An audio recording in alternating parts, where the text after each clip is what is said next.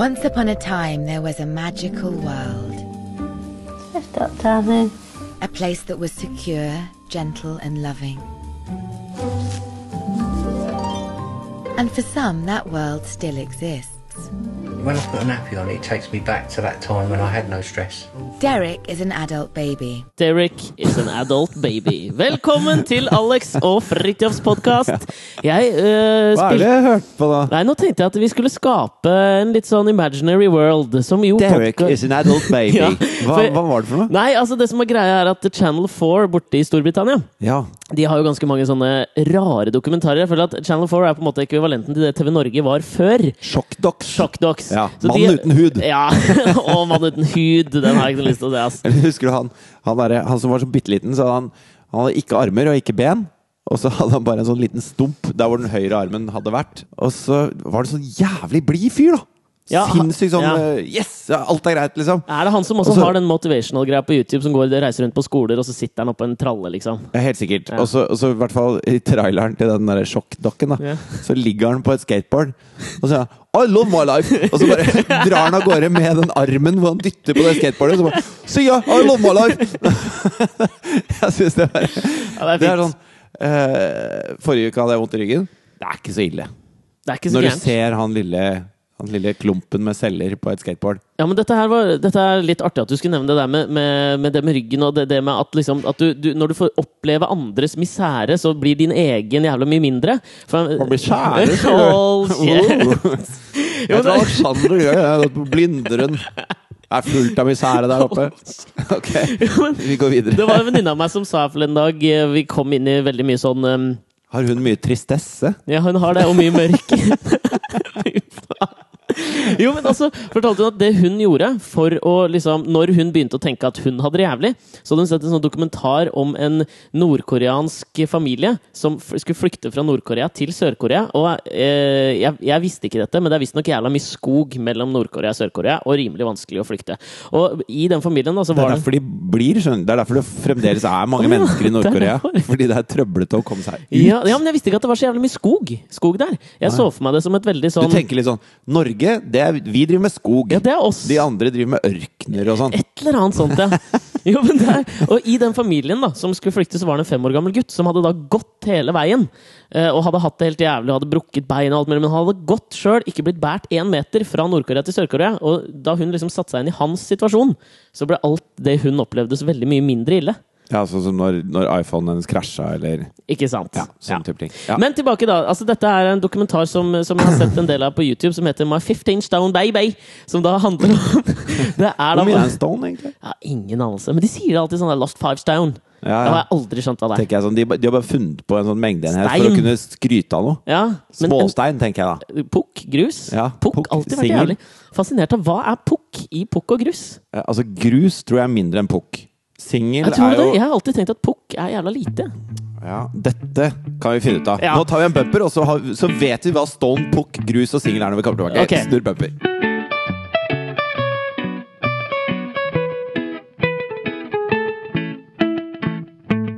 Med fare for at dette kan bli litt kjedelig, skal jeg nå forklare hva singel, pukk, grus og, og stone da, henholdsvis er. Stone er jo en slags mål på vekt. Altså, stål det er et metall! er et metall, og når det kommer i kontakt med oksygen, Ja. så Oksiderer det. Og hva danner det? Rust. Riktig. Ok, vi går videre. Hva med kobber? Irr. Vet du hva debutboka til Dag Solstad heter? Irr grønt. Skrev særoppgave om den på videregående. Eureka. Der, ja. I hvert fall. En stone er 6,3 eh, kilo. 6,3 kilo. 6,3 kilo. Så Så, hvis du har mista fem stone, da, så har du gått ned liksom 30-35 kilo. Shit, det er dritmye! Ja, det er mye, altså. Sånn når de, de, de slår alltid sammen, sånn på vektklubb og på alle de der hvor de skal liksom forklare at dette er en bra slankekur, så slår de alltid sammen det alle har De slanket seg fem millioner kilo! Men jeg synes det, det, det bærer litt sånn preg av at det, hele verden var så jævlig cirka i gamle der. Det er sånn Ja. "Uh, How much does it weigh? It's a stone? Ja, det er Uh, What det. kind of stone? Nei, sånn en, liksom. Ja, men da var det Alt var sånn sirkus. Men var det pukk stone? Lurer jeg på nei, derfor. Hva er det pukk? Pukk, pukk, pukk. Pukk eh, lages da av pukkverk, selvfølgelig. Okay. Eh, det, det skjer eh, stort sett Det første trinnet i et pukkverk er en kjeftknuser, der to plater arbeider mot en annen og knuser stein som i en kjeft. Okay. Sterk kjeft. Men pukk er liksom en fellesbetegnelse på knust stein. Å ja, okay. Hvis vi da går videre til singel, så er det naturlig eller knust stein, men sortert i én størrelse. Det er jo da singel, når alt er samme størrelse. Grus er et er løst stykke av en bergart med en spesifikk kornstørrelse mellom 2 og 64 millimeter i diameter. Hvorfor, Det er ganske smart. Men hvorfor det, trenger man det i samme størrelse? finnes, som jeg ikke visste når jeg googla dette, er at det er noe som heter penetrert pukk. oh, det er veldig mye sånn innuendo i pukkverdenen Ja, som jeg aldri ja, ja. trodde. Kjeftknuser og. Kjeftknuser lager også penetrert pukk. Ja, det er da et asfaltdekke som består av ensgradert åpent pukklag som avbindes med påsprøyting av et biominøst bindemiddel. Nei, nå kjenner jeg meg, ass! Og avstrøs med finpukk.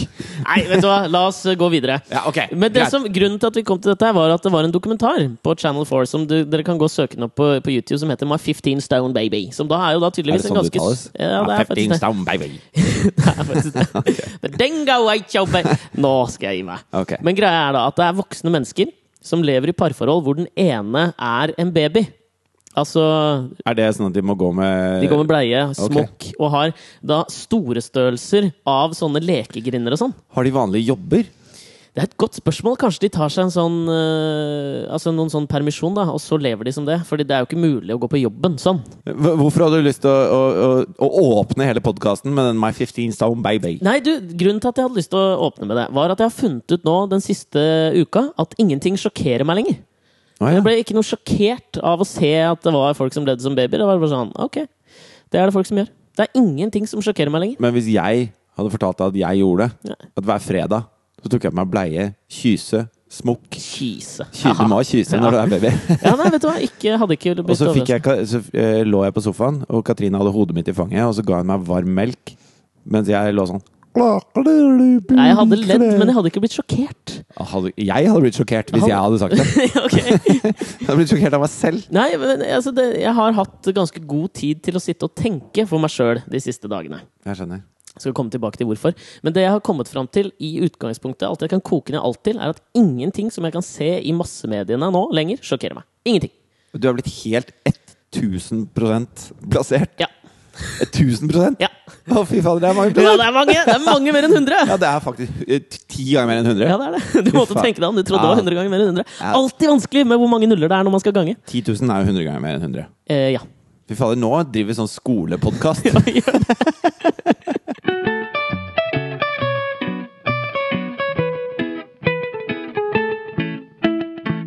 Så la meg da male opp et bilde på hvorfor jeg har hatt så god tid til å tenke oppi hjernen min i de siste dagene.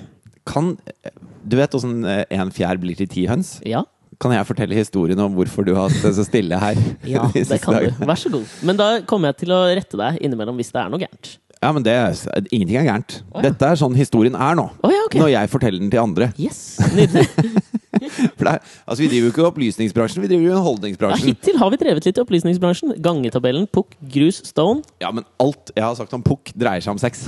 ja, det er sant. Ok, fortell historien. Kjeftknuseren som lager penetrert pukk. Det er uh, Ja, ok. Eh, Alexander var på julebord med masse venninner. du var det?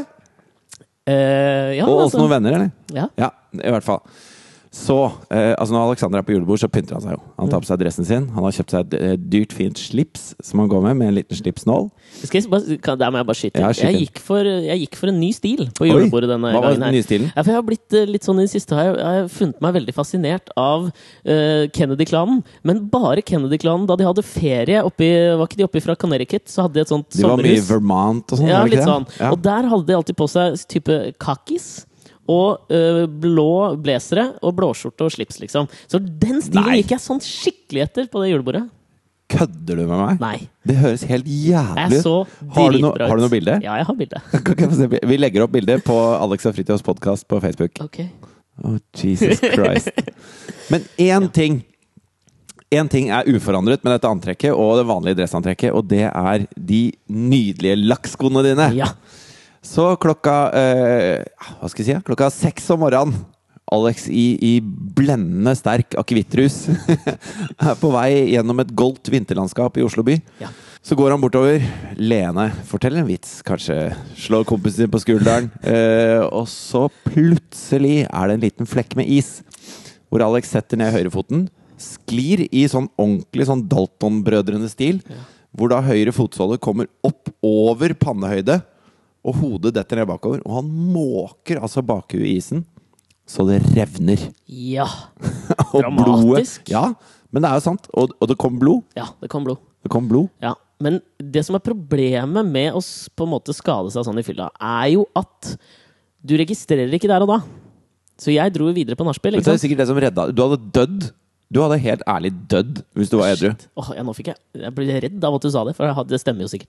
Hvis jeg hadde vært profesjonell skihopper, for eksempel, hadde jeg alltid vært full. For ellers hadde jeg visst at jeg hadde Ja, dødd hvis jeg hadde tryna. Shit. Tror du han Eddie the Eagle Han var sikkert alltid full, for han visste at hvis jeg Det var hans forskjell, var at han, mye, Han var, var mye full. liksom. Mye Ja. full.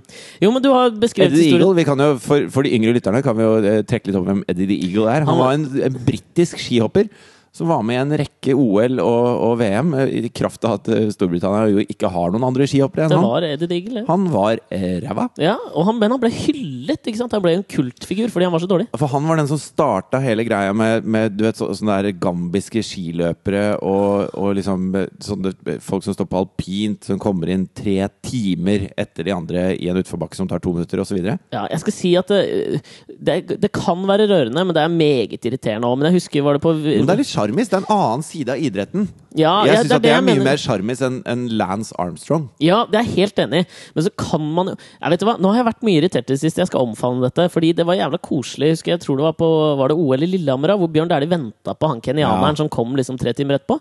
Det er sportsånd. Alle hadde dratt. Den eneste som sto igjen, var Bjørn Dæhlie, som hadde vunnet hele løpet. Han venta på han kenyaneren. Ja, Og kenyaneren, vet du To år senere fikk han en sønn. Vet du hva sønnen heter? Kan han hete noe med Bjørn, eller? Han heter Bjørn. Ja, det er koselig. Det syns jeg er ja, det er dritfint. En applaus Ja. for det kenyanske Ja. langrennslandslaget.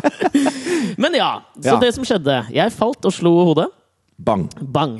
Og nå har jeg da vært eh, hos legen. Fordi det som skjedde, var at Før det så var du jo sammen med meg et par dager. Ja. Og så var det litt sånn eh, Altså, her igjen. Vi har snakka mye om ulv, ulv i den podkasten her. Og du er jo en fyr som, som hyler av smerte uansett. ja. Og så har du vært litt sånn shaky de to dagene. og Bare, å fy fader, jeg lurer på om det er gærent med meg, og jeg får ikke sove. Og, ble- og så har jeg tenkt, som jeg pleier når du sutrer, så jeg tenker sånn Ja ja, Ja. tenker jeg da. Det er sikkert uh, skrubbsår, liksom. Ja, Men Ja. til slutt så sa jeg til Alex i går Kan ikke du bare gå til legen? Så Mm. han kan si at du har det helt fint, du har slått huet ditt. Ok, slutt å, slutt å syte. Og Ja. så dro Alex til legen. Ja, så, altså, mm, det som er problemet er nå, at det, jeg støtter ikke privatiseringen av helsevesenet, men man kommer jo forbanna fort gjennom, da. Så jeg dro opp til Volvat, som ligger oppe på Borgen forbi Majorstua her i Oslo. Det er jo forskjell på å privatisere helsevesenet eh, eh, som helhet, sånn at de som, eh, de som ikke har råd til det, ikke får eh, helsetjenester. Det er jo en uting. Men det at, eh, at slummen må vente i kø mens du kan surfe på, med TV Norge-pengene dine, det er helt greit. Det syns du er helt i orden. Nei, det er det jeg ikke liker. Okay. Men, altså, det er jo, men jeg skjønner jo hvorfor det er altså, det Et marked. Jo, jeg har et marked for det, for det passa jo meg meget bra. For jeg prøvde jo først først å få time hos fastlegen min, men hadde jeg ikke fått det før om en uke. ikke sant? Og så jeg, må jeg få sjekka dette nå, og så gidder jeg ikke å dra på legevakta, for der syns jeg det er irriterende, og det er lang ventetid. Jeg drar opp på Volvat, sitter i Der må de som har mindre penger enn deg, De deg, må dra. dra dit. Uff. Det strider mot ethvert fiber i kroppen min, men jeg gjorde det, for jeg var så redd. Ja. Men uh, så la meg bygge opp historien sakte, men sikkert. Først så kom jeg jo da inn på venterommet. Og venterom har jo en egen slags sånn dynamikk. Og jeg fikk på et tidspunkt der jeg, En egen slags litteratur òg. Å ja! Jeg satt og leste KK, liksom. Hvorfor gjør jeg det? Jeg bryr meg ikke noe om det. I hvert fall hvis du har slått huet. Da skal man jo ikke lese så mye. Nei, det var det jeg fant ut, så jeg la det fort fra meg. Tenk deg, tenk deg hvis du har liksom ødelagt hjernen din på KK. Å, shit. Nå, hvis, hvis bare Nei, du leste for mye. Og KK var det som KK-bladet vippet over. Å, det er nedtur, ass. The Abyss. Uff. Men det som, var, det som var veldig gøy, apropos det, var at da jeg satt på det venterommet, så kom han kenyaneren fra OL i Lillehammer inn. Med Bjørn? av- Nei, men det var med to, to folk, da. Og han hadde også falt på isen. Men jeg ble kalt inn først, og han hadde det ikke bra. ass. Han drev og svimte av. Jeg fikk så dårlig samvittighet, jeg. Altså, Men det suger. suger, vi er enige om at ja, det vi er helt suger. enige om at det suger. Ja. Du, jeg bare kom på en ting. Du har jo en gang fortalt meg en historie om da du var på venterommet på klinikken Olafia. Olafia-klinikken, da, for dere som ikke vet hva det er, det er dit man drar når man har hatt lemfeldig og tilfeldig sex med folk man kanskje ikke kjenner så godt, uten beskyttelse. Så drar man dit for å sjekke om man har pådratt seg en eller annen venerisk sykdom. Men det var ikke det at jeg hadde hatt masse lemfeldig ubeskyttet sex. Det som var greia var, jeg hadde, Dette var eh, 2001, tror jeg. Hvor jeg eh, drev og var på TV 2 eh, med Sone 2, som var sånn Da- ungdomsprogram. Dro du mye babes, kan jeg tenke meg. Nei, jeg jobba veldig mye. Ah, ja. Og så fikk jeg meg kjæreste, og så sa hun eh, da at eh, kan ikke vi bare Sånn at vi veit at alt er på stell, liksom. Ja. Så drar vi begge to og så bare sjekker oss, sånn at vi veit at det ikke er noe tull. Og så, og så har vi liksom Da har vi sjekka oss. For jeg hadde aldri sjekka meg for kjønnssykdommer før. Og så dro jeg på Olafia-klinikken, og, og da er jo jeg han, han fra TV. ikke sant? Og dette er sånn gratisklinikk Ja. for, for veneriske sykdommer. Ja, og det som er greia på Olafia-klinikken nå, er at jeg har jo vært der. Det er jævlig svært venterom! Det er plass til så ufattelig Og det er ganske mennesker lang kø. Var, Veldig det var lang kø! der. Du må vente dritlenge. Så kommer jeg dit, og så setter jeg meg i en stol, og så må jeg nå innmari uh, pisse. Og så, og så reiser jeg meg, og så går jeg bort til hun uh, i resepsjonen og så sier jeg, du, unnskyld, hvor er toalettet? Og så sier ja, det er bort inn til venstre der. Er det sånn, do, da. Men, men, men eh, skal du sjekke for eh, herpes, blant annet? Så, uh, ja, jeg tenkte det. Ja, for da, hvis du tisser nå, så må du vente, så må du vente to timer. Fordi at det, uri, du skal tisse på et sånt glass, da. Og den urinen må være Altså Hvis du har tissa innenfor to timer, så har ikke den liksom Jeg vet ikke, marinert nok i kroppen. Nei, eller den er liksom for fersk, da. Mm.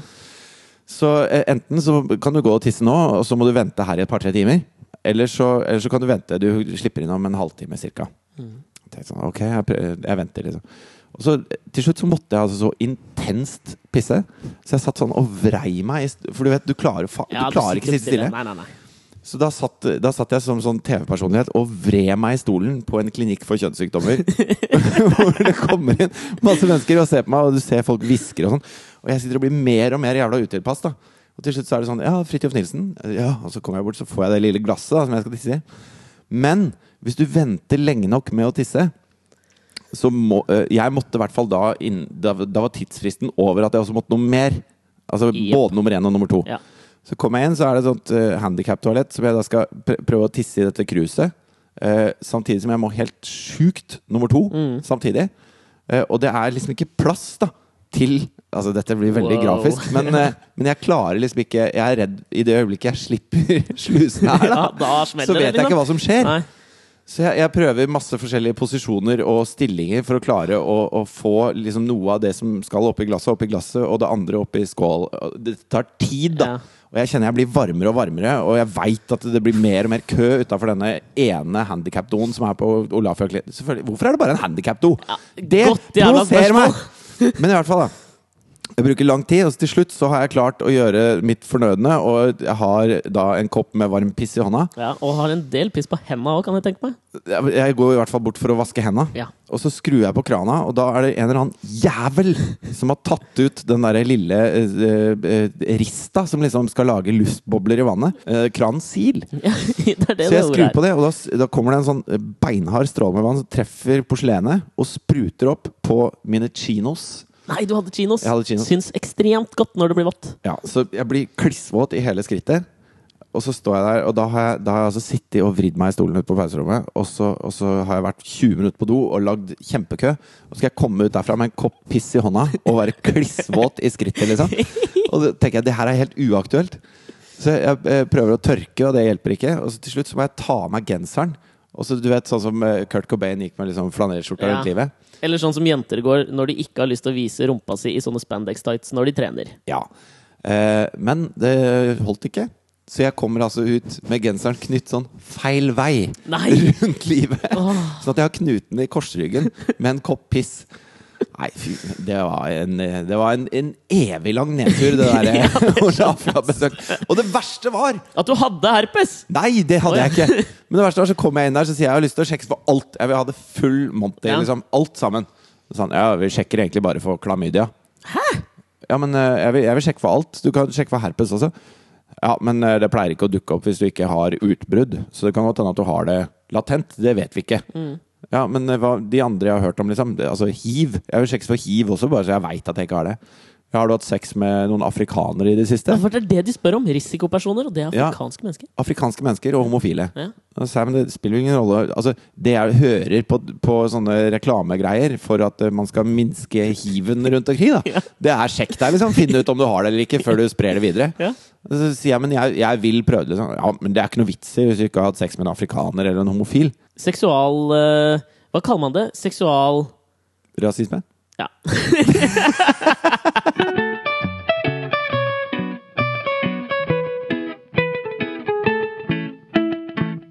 Men hva sa legen når du endelig kom inn mens han eh, nigerianeren lå og blødde i Ja, Stakkars, venterommet? vi er dårlige. Jeg håper han lever, ass. Ja, nei, det han sa, da Si sånn! Han lever. Vi sier han lever. Ok. Det som skjer, da, er Han at døde. Nei, gi deg nå! Han gjorde Uff, Nei. Det som skjer, da, er at han eh, begynner å spørre om ting, og så gjør han eh, en del sånne tester på armene og sånn, for jeg hadde begynt å få strålinger ute i høyrearmen, eh, fortalte jeg han. Og da ser jeg liksom at han blir eh, litt sånn Oi, eh, hva, hva, nå må vi sjekke litt ting. Og så begynner han liksom gjøre, at jeg skal gjøre ting med armene og sånn. Og du vet noen ganger hvis du har vært hos legen, så ser du på dem når de blir bekymra. Og Ja. det ble han. Og da begynte jeg å bli nervøs. Han begynte å gjøre noen sånn tester på armene, og sånn, og så skulle jeg liksom klemme alt jeg hadde i hendene hans, og sånn, og så bare kjente jeg at jeg har ikke noe å gi. Og så sier han det han aldri skal si, da. Så sier han OK, uh, vet du hva, vi må sjekke at dette ikke er en hjerneblødning. Og da Ja, hvis han må sjekke at det ikke er en hjerneblødning, så Ikke, må han jo si det. Ikke fortell meg det. Bare sjekk det først, og så okay, si okay, etterpå at det ikke er hjerneblødning. Så han sjekker at dette her, er ikke noe blod i øra, det er noe skannet drit og sånn. Så det var Altså, det, var, det, det gikk bra. Det som har skjedd, er at jeg har fått en kraftig hjernerystelse og eh, Hvorfor le av det? Jeg veit ikke! Jeg ler av det selv. Kraftig hjernerystelse, og så ligger det noen nerver i klem liksom bak i eh, nakken. Så jeg har Oi veldig veldig vondt i nakken. Også, Men kommer de til å avklemme seg? ja, jeg må tilbake og sjekke igjen, da. Men det er en slags sånn forstuing av et eller annet type. da. Ja. Men jeg har liksom gjenkjent noe også som jeg merker hos leger som jeg ikke setter pris på hos leger. Det er da to ting. Nummer én det at han sier tingene før han sjekker det. Det gjør meg nervøs. Mm. Og så har jeg funnet ut en måte hvor de kan gjøre meg veldig nervøs på, og gjøre at jeg ikke stoler på dem. Og det gjorde han legen her. Og vet du hva det er for noe? Nei. Det er med en gang han sier et banneord. Mista, han mista all troverdighet for meg. For det han sa da, var Ja, jeg veit at det her kan være jævlig vondt. Hva, hva, hva, hva, sa du nå? Du skal si veldig, du. Du skal ikke banne. Altså, Hvis han hadde sagt uh, 'nå oppfører du deg som en liten fitte', det hadde vært annerledes. Men han sier at det gjør jævlig vondt. Ja, men han, skal ikke si jævlig, han. Han skal Det er si et forsøk på å legitimere den følelsen du har inni deg. Sånn at du ikke skal føle deg spesiell. Jeg vil jo være spesiell. Jeg vil føle at jeg er hans eneste. Ja. Litt sånn som de der babyene. Jeg vil ha den følelsen at jeg, det er bare jeg som føler dette her. Og du skal liksom dette her, Han skal bruke fremmedord, han. Latinske uttrykk. Ikke banne. Han mister all troverdighet for meg. Ja, at, dette kan føre til ekstreme nerveutslag i livets tre. Hell yeah, Yggdrasil rista! Men åssen går det med deg? Nei, det går ikke så bra, ass. Det gjør ikke det. Nei, nå har jeg ligget i dag Det er jo derfor jeg har hatt så god tid til å tenke. Jeg har jo ikke fått lov å lese, se på TV eller noen ting, så jeg skrudde alt lys i leiligheten nå i to dager. Og så har jeg sittet her i mørket og hørt på litt podkaster og Mørket og mørket. Du har en hel vegg med vinduer. Det er jo Ja, det blir kjempelyst fort mørkt om dagen. Ja, det, ja, det gjør det. Ja, så det er det, det er det jeg har gjort. Ja. Ja. Føler du deg noe, noe bedre? Nei.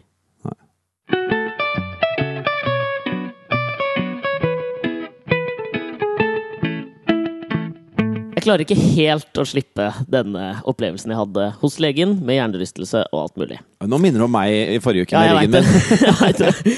Men du skjønner, det som skjedde, var at jeg skulle dra fra Volvat. Jeg bor jo på Grünerløkka, som er på den helt andre sida av byen.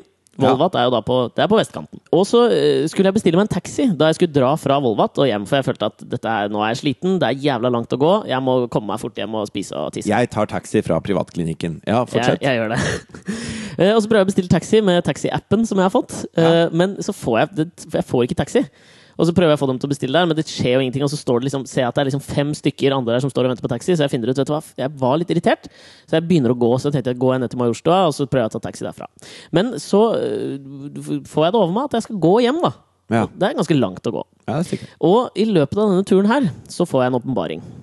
Folk som bor vest i Oslo, er jævlig mye penere enn de som bor på østkanten. Ja, men rike Altså, Rike folk er digge, liksom.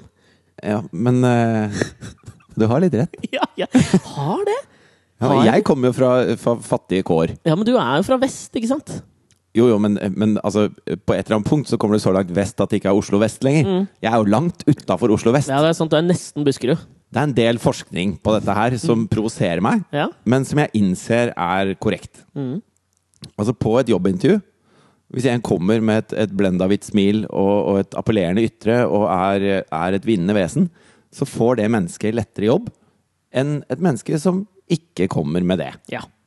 Eh, Det er lettere for Mr. Melk Mr. å Melk få jobb enn han bedre. nigerianeren som akkurat har fått hjernerystelse og slever fra kjeften. Og dette er selvfølgelig en sannhet med modifikasjoner, i og med at Erna er leder for Høyre. Wow! Wow. wow. Vepsebol! Men, men det er liksom Det er noe de har funnet ut, da. Altså, dette er opplest og vedtatt. Ja. Eh, og, og altså, gener går i arv. Sånn Det er det de gjør! Ja, ja, sånn at mennesker som da har eh, gode jobber, vinnende vesener, tjener mer, Mm. får penere barn, som da vokser opp i velstand, har mye tid og, og eh, hudkrem, Ja. og, og lager da vakre vesener. Mm. Eh, Men så, jo, så tenker jeg også at her, er, her ligger litt av problemet. Men jeg kan ikke helt akseptere dette her. Det, altså det er for mye i min sånn, min sånn etiske verdibunn som, stri, som bare stritter imot når jeg sier dette her, så jeg vil ikke være med. Nei, jeg vil ikke ikke være med på det. det er helt enig og det er derfor den var liksom vond, den åpenbaringen. Men du vet, Napoleon sa jo til og med det der uh, Han sa 'geography is destiny'. Og det tror jeg er jævla sant. Det ble jo det for han. Han prøvde seg jo på veldig mye geografi. Ja. Han skulle ta hele verden, Ja. og det gikk i dass. Jo, men altså, hvis du overfører det til det at eh, hvis du Altså, dette er Jeg føler satt at meg på Elba og bare Geography small nowadays. Fuck. Jo, men altså, jeg er helt enig med at det gjør liksom vondt for meg å innrømme dette her, men jeg, jeg, det var så åpenbart i går at da jeg hadde kryssa Akerselva, så, så var den estetiske nytelsen min særdeles mye lavere enn før jeg hadde gjort det. Men det er noe sånn tredje rike over hele, hele dette greiene vi snakker om nå. Og, Ja, det, det. og det er jo ikke bra. Nei, det er ikke bra i det hele tatt, men det er jo et øh, Jeg, jeg tror det er fakta. Det jeg tror, er at øh, stygge folk får Bare å si det, Alex. Ja, Bare å si det. Stygge folk tror jeg får jævlig mye mer barn da enn pene folk. Og derfor på et eller er annet Nei, vet du hva? Nå stopper det, altså. Nå stopper det virkelig. Jeg tror du har slått huet hardere enn du trodde. ja. Tror du det, eller? Ja, Faen! Jævla drittfyr.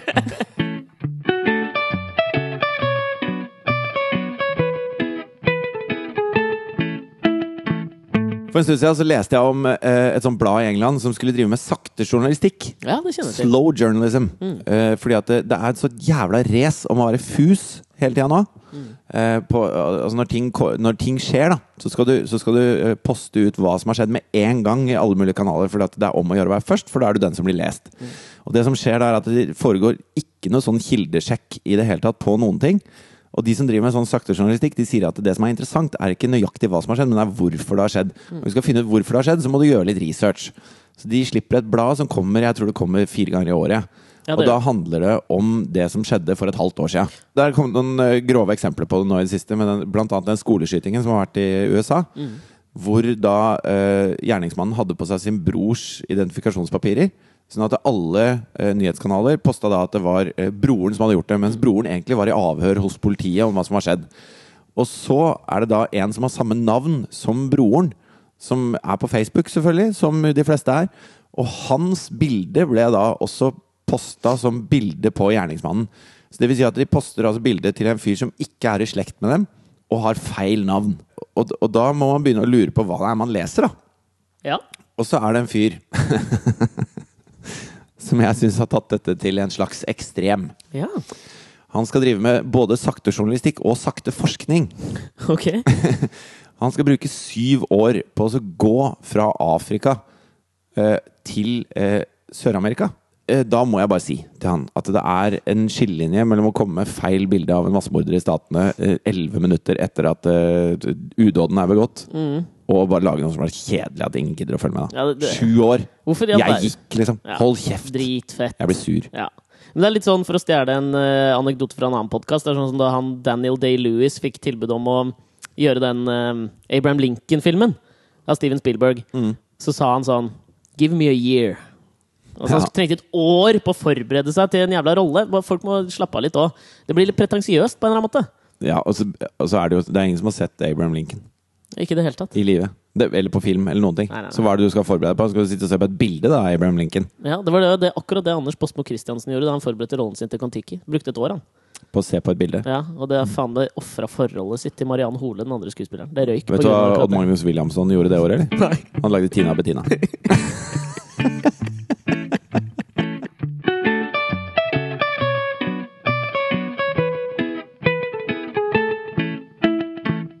Her forleden dag så, eh, så jeg på Instagram at det var en som jeg følger på Instagram, som hadde lagt ut et bilde av Jude Law, som tydeligvis har liksom sirkulert nå, som var på forsiden av et eh, magasin som heter Heat Magazine. Det vil si at du kjenner noen som kjenner Jude Law? eller? Nei, ikke i det hele tatt.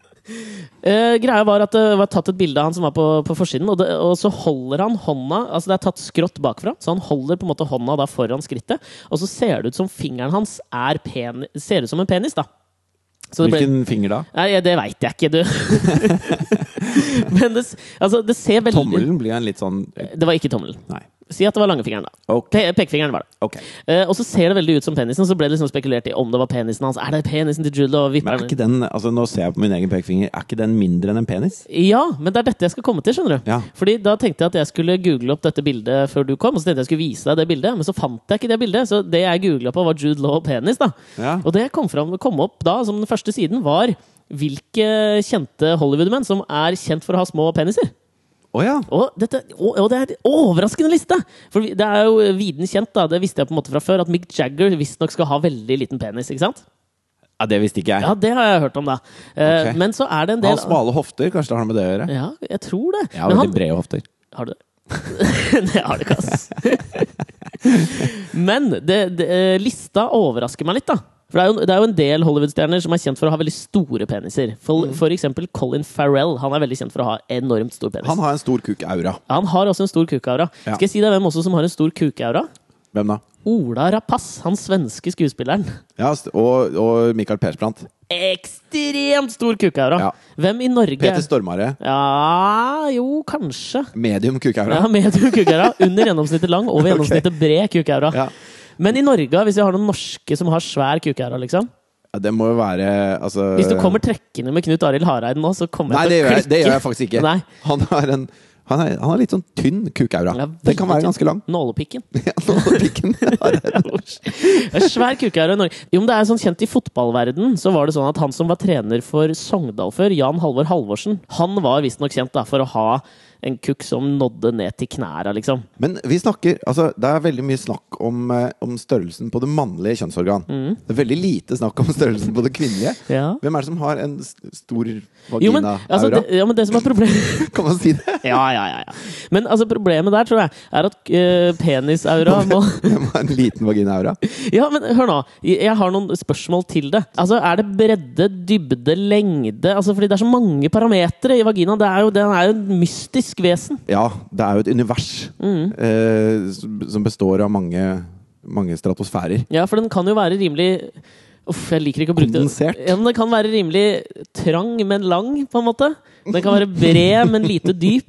Altså, Det er så mange parametere som jeg ikke klarer å forholde meg til på det. Ja øh, Vi går videre! Vi går videre. jo, men jeg har, jeg har, apropos det også, så er det en annen fotballspiller da, som er veldig kjent for å ha stor penis. Og det er Ja. han som spilte på Vålerenga før, som spiller nede i Nederland eller sånt nå, som heter Pamadou Ka. Han var kjent for å ha veldig, veldig stor penis. Og så skal jeg fortelle en liten uh, artig ting med det. ja. Min bestekompis er nå sammen med eksen til Pamadou Ka. Og du kan tro han hadde prestasjonsangst ja, det tror jeg. Stakkars fyr. Jeg Men- vet, jeg vet faktisk at Bjørn Helge Riise har ganske stor kuk. Oi, hvordan vet Jeg du det? Jeg kan ikke fortelle hvordan. Jeg Jeg vet det. Da kan vi gå til de eh, Hollywood-kjendisene, og her snakker vi svære Hollywood-kjendiser som har Kan du puppetrikset? puppetrikset. Ja. Det er en som heter Rune Lundsør, som eh, har vært eh, snowboardproff og BMX-syklist. Som, eh, som jeg intervjua. Og så, og så hadde jeg fått en mail av en kompis av han. Hvor han skrev ut 'Spør Rune om puppetrikset'. Ok. Og så var det, det var på TV, da. Så spurte jeg men Rune, jeg har fått en mail av en kompis. Hva, hva er puppetrikset? Og så ble han helt sånn, her, helt sånn storøyd og hvit i ansiktet. Så sier han det, det kan jeg ikke si. Oi! Hæ, hvorfor kan du ikke si det? Nei, for hvis jeg sier det, hvis jeg sier det på TV, så funker det aldri igjen. Oi, jasse. Og da ble jeg jo ikke noe mindre Veldig sånn Mission Impossible-greie, at eh, denne eh, ødelegger seg selv om ti Ja, ja. sekunder. Ja. Det will self-destruct. ja, det var sånn det var. Ja. Um, ja, det er jo det samme. Ja. Men uh, Men jeg blir ikke noe mindre nysgjerrig, og dette er jo live TV, så alle seerne blir også helt sjukt nysgjerrige. Og så sier jeg men nå har, du, nå har du sagt A, så nå må du si B, liksom. Si hva puppetrikset er. Og så, og så nekter han plent, da. Og vi sitter her, og det er live TV, og, og til slutt så blir det jo teit at jeg sitter og maser på han. Og så sier jeg ok, men eh, ta av deg mikrofonen, da. For jeg har sånn bøylemikk. Ja. Og fortell det til meg, i hvert fall. Fy faen, ja. Så vi begge to tar av oss, tar av oss de bøylemikkene. Og så kommer han over og så hvisker han meg hva puppetrikset er, og jeg holder på å le meg i hjel. Og så tar vi på oss bøylemikkene, og så bare fortsetter vi Å, intervjuet. det er dårlig gjort! Så alle seerne satt der og ikke visste hva det var. Men jeg, jeg tenkte kanskje det er på tide å røpe Å, puppetrikset. avslør det. For dette er altså et triks som gjør at du, eh, at du kan ta på så mye fremmede pupper du vil. Hva i alle dager? Ja, og det er Rune som har laget dette trikset. Eh, så det du gjør, er at du går bort til en Det må være en fremmed dame, da. Gjerne i en eh, sosial setting, altså på fest eller ute på byen eller et eller annet sånt. Et venterom på et legekontor? Kanskje ikke akkurat der. Ok. Men i hvert fall, så går du bort til henne og så sier du, eh, klarer du å gjøre sånn her? Og så lager du sånn du vet hvor du lager briller Ja. med at du tar eh, pekefinger og tommel sammen på begge hendene, og så snur du hendene rundt opp ned, sånn at albuen din står rett opp, og så holder du foran øynene som om du har briller. Ja. Og så når den jenta da gjør sånn, så tar du henne på puppene. så gjør du litt sånn wank, wank, wank på puppene. Og det som skjer da, det, den psykologiske uh, gullkalven her, Ja. det er at da står hun jenta og lager sånne teite briller, sånn som man gjorde på barneskolen, mens du tar henne på puppene. Og da føler hun ikke at du er en ubehøvla fyr som bare uten å spørre om lov tar henne på puppene, men hun føler at hun har gått på et triks. Så hun begynner å le. Nei. Og jeg trodde jo ikke noe på dette her. Jeg tror ikke noe på det akkurat nå heller, men ja. Men så var jeg nede og skulle dekke snowboard-NM i Kongsberg. Og så var det jo en svær fest, og, og så gikk jeg opp til Rune og sa nå, nå, må du, nå må du bevise at dette funker. Show don't tell. Ja, Så jeg fikk lov til å plukke ut da jenter som han skulle gjøre det på, for jeg, tør, jeg er jo ikke i nærheten Nei, av å tørre å prøve. Uh, så jeg, jeg pekte på en jente som sto på dansegulvet, og så gikk han bort. Vurderte du dem da etter puppestørrelse? Nei, jeg vurderte dem etter uh, hvor uoppnåelige de så ut. Sånn at det, penere, jo penere, jo bedre for Ja, altså, eksperimentets skyld. de som du eh, garantert hadde fått deg en kilevink av hvis du bare hadde gått bort og tatt dem på puppene. Og Det er mange, ass! Ja, det er mange. Ja, jo, De ja, okay. aller fleste, vil jeg nesten si. Ja. Uh, og, så, og så ser jeg han går over dansegulvet, går bort til henne, og så, og så uh, liksom lener seg inntil og sier noen ting til henne. Og så plutselig så står hun der, da, med albuene i været og med sånne, sånne briller. da. Og så tar han bare og knar skikkelig til på puppene hennes. Hvor hun blir liksom sprut rød i ansiktet og begynner å le, og han ler, og, og så er de perlevenner, liksom. Ja, og dette er helt drøyt. Og han, han sjefen min i TV 2 da, som jeg ikke skal nevne navn på, Men det var en, en eldre herremann i dress. Arild Brubakk, Bård Nei, Eriksen, jeg skal ikke, jeg skal ikke si, jeg skal ikke si, jeg skal ikke si hvem det er. Men han fikk jo helt dilla på dette her, og han er ikke typen som skal gå bort og ta unge jenter på puppene. Nei? Og han gjorde det helt inn. Og det, dette er altså det berømte puppetrikset. Hvis noen av dere bestemmer dere for å prøve dette her, få en kompis til å stå med kamera, ta bilde og send det til oss. Ja. Vær så snill. Det hadde vært veldig gøy. Det vært Gjør det. Ja. Da skal dere få en juleklem eller et eller annet. Dere Skal du få kake! Men det som vi var på vei til, var at du skulle jo gjette hvilke uh, Hollywood-kjendiser som Ja, da er var- kjent for å ha små peniser. Som, altså, som vanlig med deg, Alex, tilbake til kuk. ok. Altså Hvis du har en liste over de som har små Jeg har sju navn. så kan du komme med noen, noen andre navn også. Og så kan jeg si eh, liten eller stor. Å ja, å ja, sånn sett, ja. Så det blir en quiz. Ja. Ok. Da, men du skal si ja eller nei på de navnene jeg sier. Ok, Ok. Hvor ja er stor kuk, Ja er liten kuk. ja er liten kuk. Ja, Vi sånn var mikser det det litt opp nå. Ok, er du klar? Ja. Det, Lure Den var spørsmål. Ja. Ok, Clive Owen. Ja. Nei, han har kjempestor penis. Viden kjent. Brad Pitt. Ja. Ja, han har liten penis. Har han det? Ja, han har liten penis. Og han har ligget med kona til Mike Tyson. Det her, Da er du, da er du kul i huet, i hvert fall. Veldig kul i huet, ikke så kul under beltestedet. Jude Law. Jude Law liten. Ja, jeg skulle bare se om du hadde fulgt med, for det var Ja, han som hadde ja. ja. Ja. Jeg måtte tenke på han. Ja, måtte sånn. George Clooney. Han er så jævlig selvgod. Han har stor pikk. Det er jeg helt sikker på, jeg, og han er ikke på lista. Pierce Brosnan. Liten. Nei, han står ikke på denne lista. Han har nok stor penis. Tror du det? Ja, vet du hva? Det går et sånt rykte blant Tror du alle som har spilt James Bond, har stor pikk? Nei, for nå er neste spørsmål Daniel Craig, og der avslørte jeg det samtidig. Liten penis. Liten penis? Men Pierce Brosnan ble veldig Store brystmuskler i Skyfall. Absolutt. La meg, jeg har ikke sett Skyfall. Veldig bra film. La meg fortelle deg at Pierce Brosnan var liksom litt sånn kjent da han var på høyden, kanskje rundt eh, James Bond, da, Mm. om at da han skulle kline med damer i eh, filmer, så har han en sånn en signature move når han kliner. Oi. Og hvis du får vite dette Bruker som jeg han det? Ja, fordi jeg fikk vite På dette her, og så så jeg på filmene, og da så jeg at ja, det er det han bruker. Skal jeg si det hva han gjør? Hva ja. han? Nibler litt på underleppa i starten, og så går klininga Oi, over. jeg skjønner. Har stjålet det? Ja, det har jeg gjort. Jeg så intervju med Danny DeVito om sexscener. Oi. Og han sa at uh, det er jo det verste han kan gjøre. Han Mm. hater å gjøre sexscener. Har han gjort mange sexscener? Ja, han har gjort en del. Hva?! Ja. Ok. og spesielt når det er sånn utrolig vakre kvinns. Mm.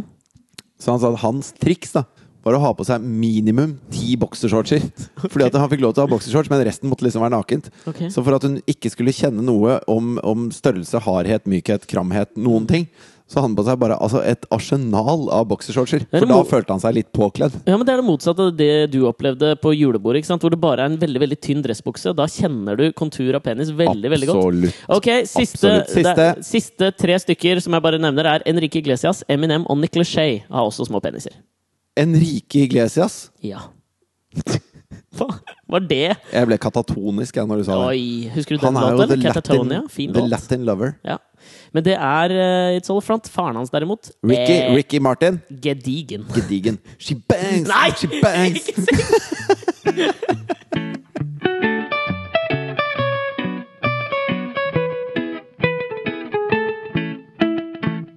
Jeg har vært veldig glad i standup veldig lenge.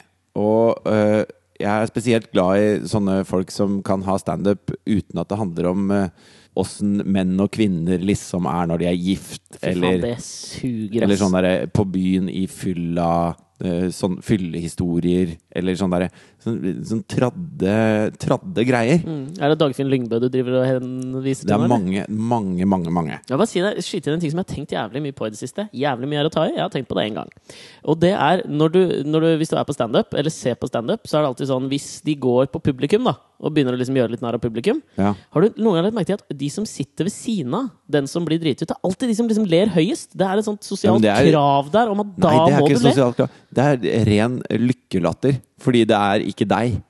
Oh ja, men tror du det er litt sånn der at at er litt når han, ved redsel i siden, latter? ja, ja, når han ved siden av blir plukka, så veit du at da kan det ikke gå rett på deg. Å ja, Så da er det bare en fryd over at det er han som får masse høvel, mens du sitter her og er trygg. Jeg skjønner. Det jeg skulle si, da, var at eh, mens sånne komikere som f.eks. Ed Izard, som kan snakke om eh, ristabrød og Aristoteles, eh, og bare snakke om tull, liksom, og gjøre det veldig veldig morsomt, han har jeg veldig respekt for. Og så har jeg et selvransakende spørsmål.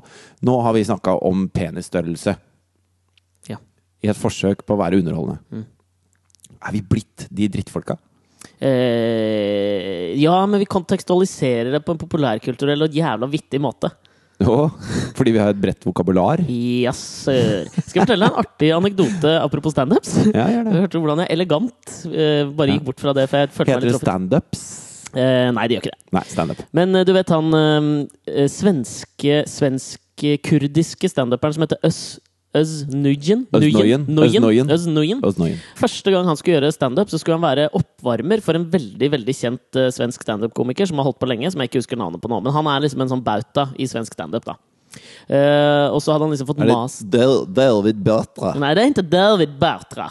Del, som uh, jobber med Ylvis? Nei, la oss kalle han Tage, da. Jeg husker ikke hva han heter. Men uh, greia var at han, uh, han hadde liksom mast Tage? Ja, for faen! Kommer jeg på en bra historie om Lage Fossheim som jeg skal ta etterpå. Oh, storulv. Ja. Vi sparer den. sparer Det, det tar denne kjapt. Uh, greia var at han, han da hadde fått mast seg Han hadde mast lenge om å få liksom komme inn på standup-scenen i Sverige. Tage? Nei, det, det var, ja, Øz, ja. Uh, og så hadde han Tage da endelig liksom sagt ja, du kan få lov å gjøre fem minutter uh, før meg. liksom, Varme opp.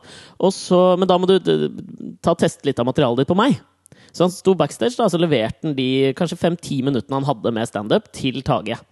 Og det, så sier han liksom OK, takk, det var greit, liksom. Men bare, bare vent litt, så bare går jeg, opp og, går jeg ut og bare varmer opp publikum litt først. Og så går Tage ut, og så bare leverer han alle vitsene som han har fortalt den. da Og så kommer han, og de ler høyt, liksom. Og han sier liksom, ja, nå kommer Øzbo, han kommer til å fortelle den vitsen, og da er punchlinen hans det, og så kommer han til å fortelle det, og da er punchlinen hans det. Og publikum ler som bare faen, liksom! Og så går han av, og så sier han vær så god, liksom, gå på. Og han må jo gå på! Men Tage eh, altså, han, han hadde en høy stjerne hos Tage etterpå. Ja, kjempehøy. Men eh, det var det. Hva var den morsomme historien om Lage Jo, Fossheim? om Lage- eh, Lage Fossheim må vi jo sette. Lage Fossheim må vi kontekstualisere ved hjelp av vårt brede vokabular, Alexander. Det er broren til Minken Fossheim. Han var vokalist i The Monroes, som Sammen. hadde hiten Sunday, Sunday People. Men også Cheerio. Kanskje mer kjent, siden Ravi Ja, gjorde en ja, eh, sånn versjon av. Vi må slutte å synge. Uansett! altså, Lage i hvert fall skulle være artistrepresentant for et norsk band som Da jeg jobba i VG, så kalte vi bare laget for Storulv. Husker du han fra med de tre små grisene? Han ligner Ja. jævlig på Han er jævlig hyggelig fyr. Åh, fantastisk fyr. Men jeg husker jo ikke hva det bandet het. Hvilket band? Nei, altså Greia er at laget skulle være artistrepresentant for et band. Og så skulle han lære dem noe om, om sceneopp... Jeg må jo huske hva det Skal jeg ringe laget, eller? Jeg husker ikke hva det heter. Vi ringer laget. Vi ringer laget. Ok.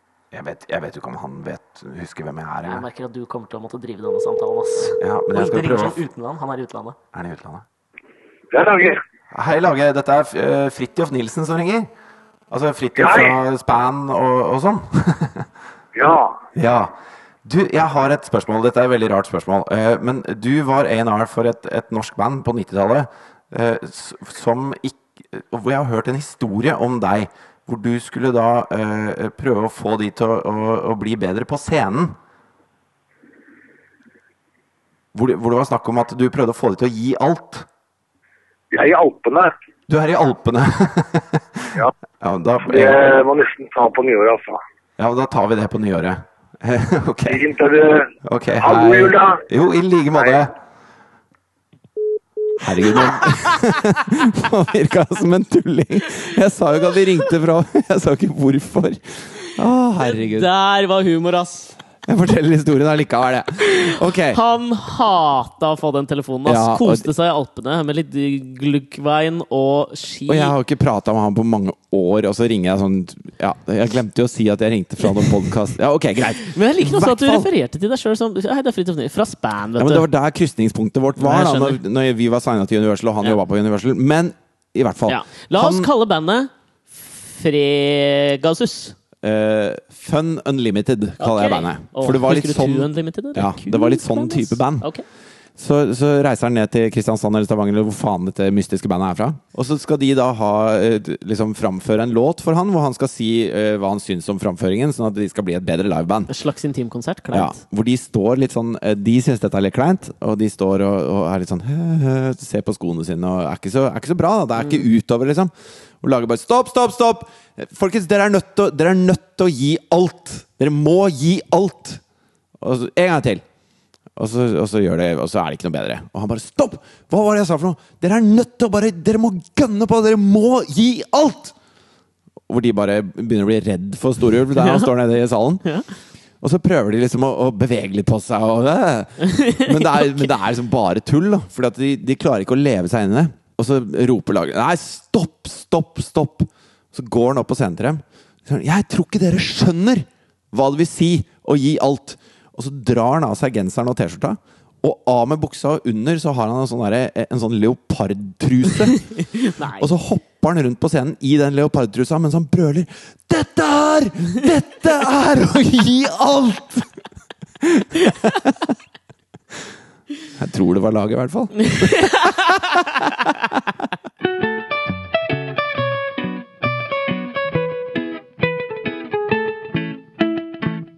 Ettersom jeg ikke har hatt så mye tid til å gjøre noe annet, så har jeg liksom tenkt, men jeg har jo ikke kunnet liksom sitte Og vanligvis når vi forbereder oss til podkastene, så liker jeg liksom sitte litt på nett, og så leser jeg litt, og så finner du ut, finner ut ting jeg kan prate om, og legge merke til ting og sånn. Det har jeg ikke gjort denne uka. Jeg, jeg liker deg bedre når du tenker enn når du bare konsumerer. Alex. Tenkende mennesker, det Ja. ja. Du, Husker du for noen podkaster siden så lagde jeg en sånn uh, topp eh, hatliste? Ja. Jeg skal litt tilbake dit, men nå er temaet litt som vanlig. ja, men temaet er et litt annet nå. Kjedelige samtaleemner som jeg kommer inn i, eh, men som er veldig tidstypiske. Hvis du skjønner hva jeg mener. Altså 2012-samtalene som jeg hater mest å ha hatt. Er det sånn type Jøss, kaldt i dag, ass. Nei, det er, det er dypere enn som så. Har du lyst til å høre Skal jeg starte på nummer én? Ja. Ja. Og denne er litt sånn som kaste stein i glasshus, for jeg har fortalt at jeg har jævla mye angst inni meg. Men det der å havne i samtale med folk som sier at jeg har angst, det er faen meg på topplista over til å ha samtaleemner jeg hater å has. Men det er jo, det er jo deg. Ja, men angst er på mange måter blitt Nå skal jeg dra en liten analogi her. På 1990-tallet så fikk man whiplash. I 2000 så får man angst. Ser du, har du På 1600-tallet uh, byllepest. ja, men har du noensinne etter år 2001 hørt om noen som har fått whiplash, eller går med sånn whiplash-krage? Ingen! Samtaleemne to, som jeg virkelig Altså, den er helt jævlig, og den føler at jeg befinner meg ofte. Det er folk som sier følgende til meg. Vi er i en samtale, la oss eh, spille det ut. Ja, ok. Hallo, hvordan går det sånn? Nei, det går helt fint. Jeg har litt angst om dagen. Å, jaså, vet du hva, eller? Jeg har en jævla god idé. Jeg har skrevet på et manus. Du du- Fy faen! Du må ikke flytte til Los Angeles. Nei, men vet du der hva? Folk alle, som har alle servitører skriver manus og er skuespillere. Oh, ah, fy faen. Alle har en jævla god idé nå! Det må bare drite i. Dere har ikke gode ideer. Dere er ikke kreative. Ikke at, nå sier jeg ikke at jeg er det, men vi Syns du er jeg ikke er kreativ? Ja, rimelig kreativ. Syns du jeg har mye gode ideer? Mm, ja, du kan Kunne du snakket med meg om et manus jeg har begynt å skrive? Ja, det kunne jeg. Jeg har en ting Nå- til, men det kan jeg spare. Jeg har en liten spalte jeg vil ha nå. Ok. Jeg Den følte heter- at jeg har introdusert en spalte nå, jeg. Ja, På Psykologsofaen heter den spalten her. Jaså. Skal jeg lage en jingle til det, eller? Ja, gjør det. Bam, bam, bam. Det blir liksom sånn samtids-plong-plong-jazz. Ja, Men det passer til psykologi. Plong, bang, bing, bam, bam, Nei, det må være noe melodisk. Ok. bam, bam, bam, bam, bam, bam, bam, bam. På Psykologsofaen. Vær så god. Hva er det som plager deg, Alexander? Folk suger pingvinkuk om dagen. Men er det, er det et hat mot folk generelt, eller er det bestemte ting med mennesker som plager deg? Nei, det er bestemte ting, men det manifesterer seg i så mange mennesker at det begynner å bli misantropisk anlagt. Tror du at det hatet projiseres fra en indre selvfølelse? Svaret på spørsmålet ditt er et eh, klinkende klart ja. Tror du den du hater mest, er kanskje deg selv? Ja, men Det er mye elsk der òg. Men eh, det er nok litt hat òg, ja. Da har du akkurat samme forhold til deg selv som jeg har til deg. ok! Nei, men eh, altså, eh, Du kan jo legge opp den lille, bitte lille hatlisten du Jeg skal komme på noen flere ting, så legger vi det opp på Facebook-sida. la det være to. To, To ting. ting. du hater. Okay. Hva, hva hater dere mest? Ja. Folk som har angst, eller folk som skriver manus? Du høres så grunn ut. Ja, men det er det. Men i hvert fall, hvis du går inn på Alex og Fridtjofs podkast på Facebook, så kommer den avstemningen til å ligge der. Vi er veldig spent på hva dere hater, og neste gang så kan du lage en faktisk interessant liste. Jeg skal lage en liste Om det du selvhat. egentlig hater, nemlig Ja. deg sjøl. Ti ting du hater med deg sjøl. Folkens, dere finner oss på dagbladet.no og på iTunes. Jeg liker også, nå har jeg gått inn og sett, og det er mange som har lagt igjen sånne hyggelige kommentarer. Det syns jeg er helt topp. Ja, det er veldig veldig stas. Og eh, på Alex og Fridtjofs podkast på Facebook er det veldig hyggelig hvis dere liker, og gjerne legger igjen litt sånn beskjeder om eh, hva dere syns, og, og hvorfor vi nettopp skal fylle ørene deres med auditiv nytelse hver eneste uke. Nydelig sagt. Det er akkurat derfor vi ikke er standup. Fordi du sa at ja, den setningen manifesterte hvorfor dette ikke er standup-humor. Au revoir. Ha det.